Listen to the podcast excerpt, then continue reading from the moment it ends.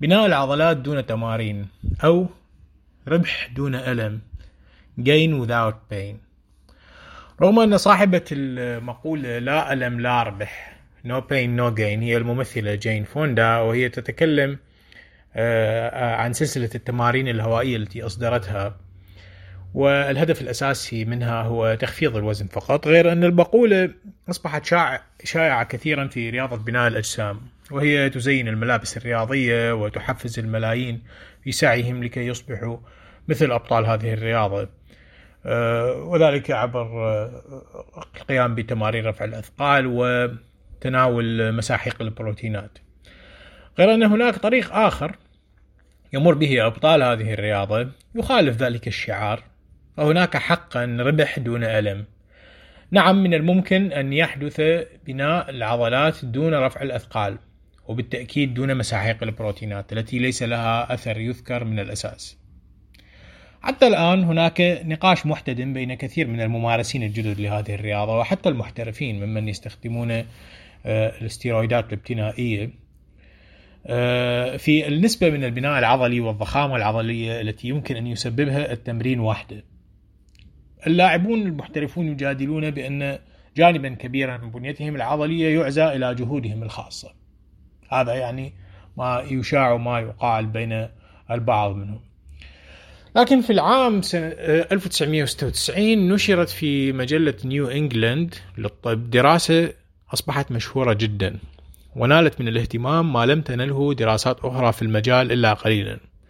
وضعت هذه الدراسة النقاط على الحروف فيما يتعلق بتأثير التمارين وتأثير الاستيرويدات التي يستخدمها لاعبو بناء الأجسام كلا على حدة.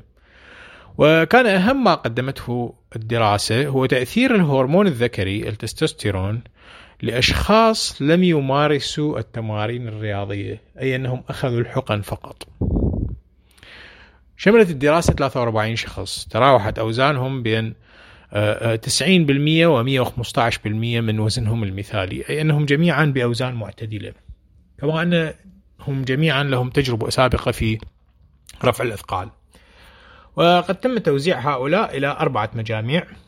المجموعة الأولى دون تمارين ودون حقن تستوستيرون المجموعة الثانية يقومون بالتمارين وأيضا يأخذون حقن تستوستيرون المجموعة الثالثة يقومون بالتمارين ودون حقن تستوستيرون والمجموعة الرابعة تمارين وتستوستيرون أي يعني صار عندنا مجموعة ل آه، آه، آه، يعني جميع التنوعات ما بين حقن التستوستيرون وما بين التمارين. ضمن مجموعتي التستوستيرون تم إعطاء المشاركين 600 ملغ من التستوستيرون اسبوعيا. وهو يقارب ما يأخذه كثير من لاعبي بناء الأجسام.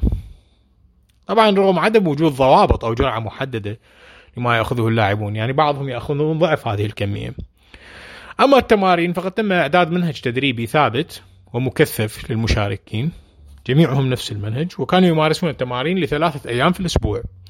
ودامت التجربة عشرة أسابيع على هذا المنوال. بعد انتهاء التجربة تم تقييم النتائج من خلال قياس حجم العضلات وتم ذلك بواسطة جهاز مسح بالرنين المغناطيسي للعضلات. كما تم احتساب الكتلة العضلية الخالية من الدهون وتم أيضا تقييم القوة العضلية من خلال احتساب الوزن الأقصى الذي يمكن رفعه بتكرار واحد لكل من الت... من تمارين الربض. تمارين الربض يعني ال squat وتمارين الرفع على المصطبة ال bench press المفاجأة كانت مع النتائج.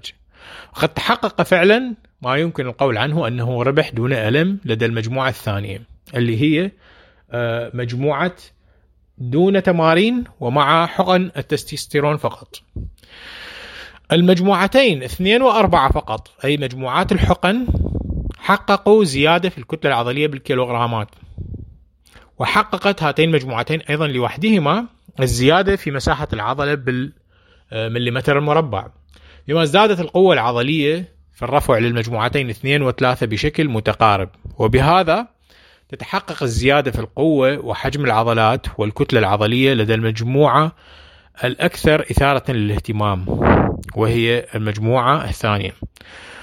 الأشكال البيانية المرفقة مع الدراسة توضح لدى مجموعة تستوستيرون فقط معدل الزيادة في الكتلة العضلية بالكيلوغرامات كان 3.2 كيلوغرام لمجموعة التستوستيرون فقط يعني حقن فقط.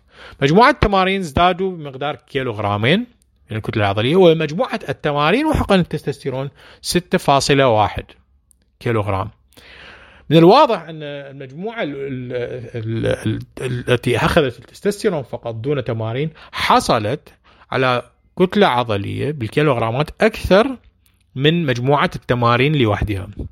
أما الزيادة في المساحة السطحية للعضلات فبالكاد هناك 50 ملم مربع فقط من الزيادة لمجموعة التمارين، لكن هناك 420 ملم مربع لمجموعة التستوستيرون فقط و500 ملم مربع من الزيادة في المساحة السطحية للعضلات لدى مجموعة التمارين والحقن. أي أن مجموعة التستوستيرون فقط تكاد تكون مساوية وقريبة جدا من مجموعة التمارين والحقن. فيما لا يكاد يكون هناك شيء لمجموعة التمارين فقط. وأخيرا الزيادة في القوة العضلية. ازداد كل من مجموعة التمارين لوحدها ومجموعة الحقن التستوستيرون لوحدها بمعدل 10% و 11% لمجموعة التمارين و10% لمجموعة الحقن آه، في تمارين الرفع على المصطبة و21 و19% على التوالي بين مجموعتين التمارين والحقن في آه، القوة بتمارين الربض أي السكواتس. الفارق الأكبر كان لدى مجموعة الحقن والتمارين سوية زادوا بمعدل 22% أي ضعف التمارين لوحدها. في آه، تمارين الرفع على المصطبة ومعدل 38% أي أنه أيضا مقارب مقارب للضعف في تمارين الربض أي السكوات هنا يجدر الانتباه لعدة نقاط. أولها أننا ورغم الوضوح الشديد في الأرقام بهذه الدراسة لكننا لا نفهم آلية عمل الجسم بطريقة حسابية واضحة. فرغم أن التمارين لوحدها لم يكن لها تأثير كبير ملحوظ غير أن لها تأثير مقبول عندما تضاف لحقن التستوستيرون.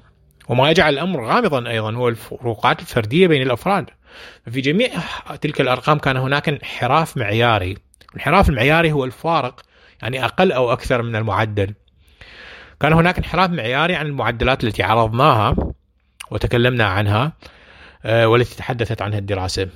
آه، هناك زيادة ونقصان كبيرة أحيانا. ببساطة لا يمكن أن تتوقع أن يحدث الأمر نفسه معك بنفس الدقة إذا قمت بأي من الإجراءات أعلاه. يعني لو قمت بالتمارين لوحدها أو الحقن والتمارين أو الحقن لوحدها.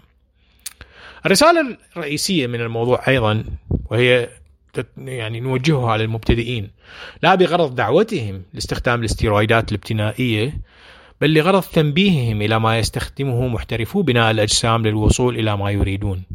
وأن شراء منتجات كثيرة غير مجدية واتباع التمارين لوحده لن يوصلهم لما يشاهدونه في الإنترنت من صور وفيديوهات. سيكتسب الشخص فوائد عديدة بالتأكيد من مزاولة الرياضة لكنه لن يصبح بالتمارين فقط مثل لاعبي بناء الأجسام.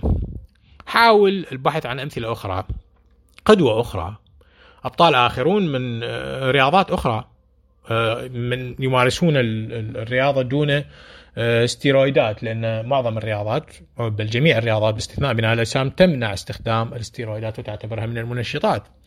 انظر إلى هؤلاء، انظر إلى هيئة أجسامهم كيف هي دون الاستيرويدات. آه، مع كل ما يقومون به من تمارين.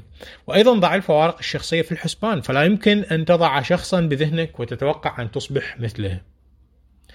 تنوه الدراسة بشكل بشدة أيضا إلى الأضرار الناجمة عن استخدام الاستيرويدات الابتنائية مثل مقاومة الأنسولين والمشاكل في أيض الدهون والمشاكل في الكلى وغير ذلك. ويوضح الباحثون خطورة الأمر.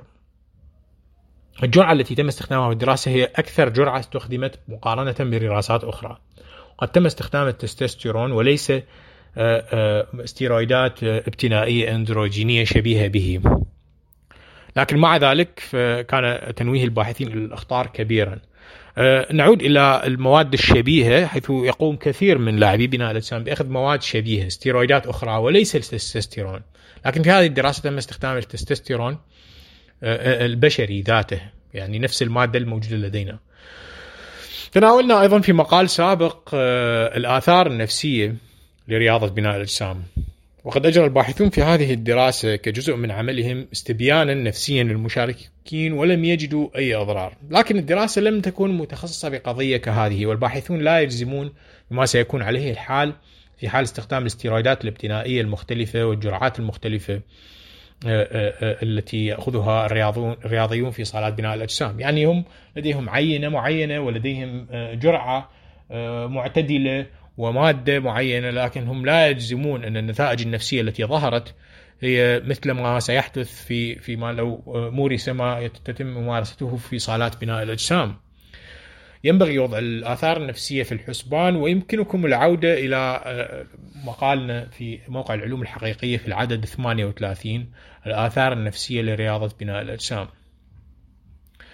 أيضا عند ملاحظة الأرقام في الدراسة يمكن أن نجد نسبة متساوية تقريبا في زيادة القوة العضلية بين المجموعة 2 و3 رغم عدم ظهور تغير كبير في حجم العضلات أو في الكتلة العضلية لدى أفراد المجموعة 3 أي مجموعة التمارين لوحدها. مقارنة بالمجموعة اثنين اللي هي آه، الحقن التستوستيرون لوحدها. وهذا قد يدعونا لإعادة النظر في الفارق بين القوة العضلية وحجم العضلات.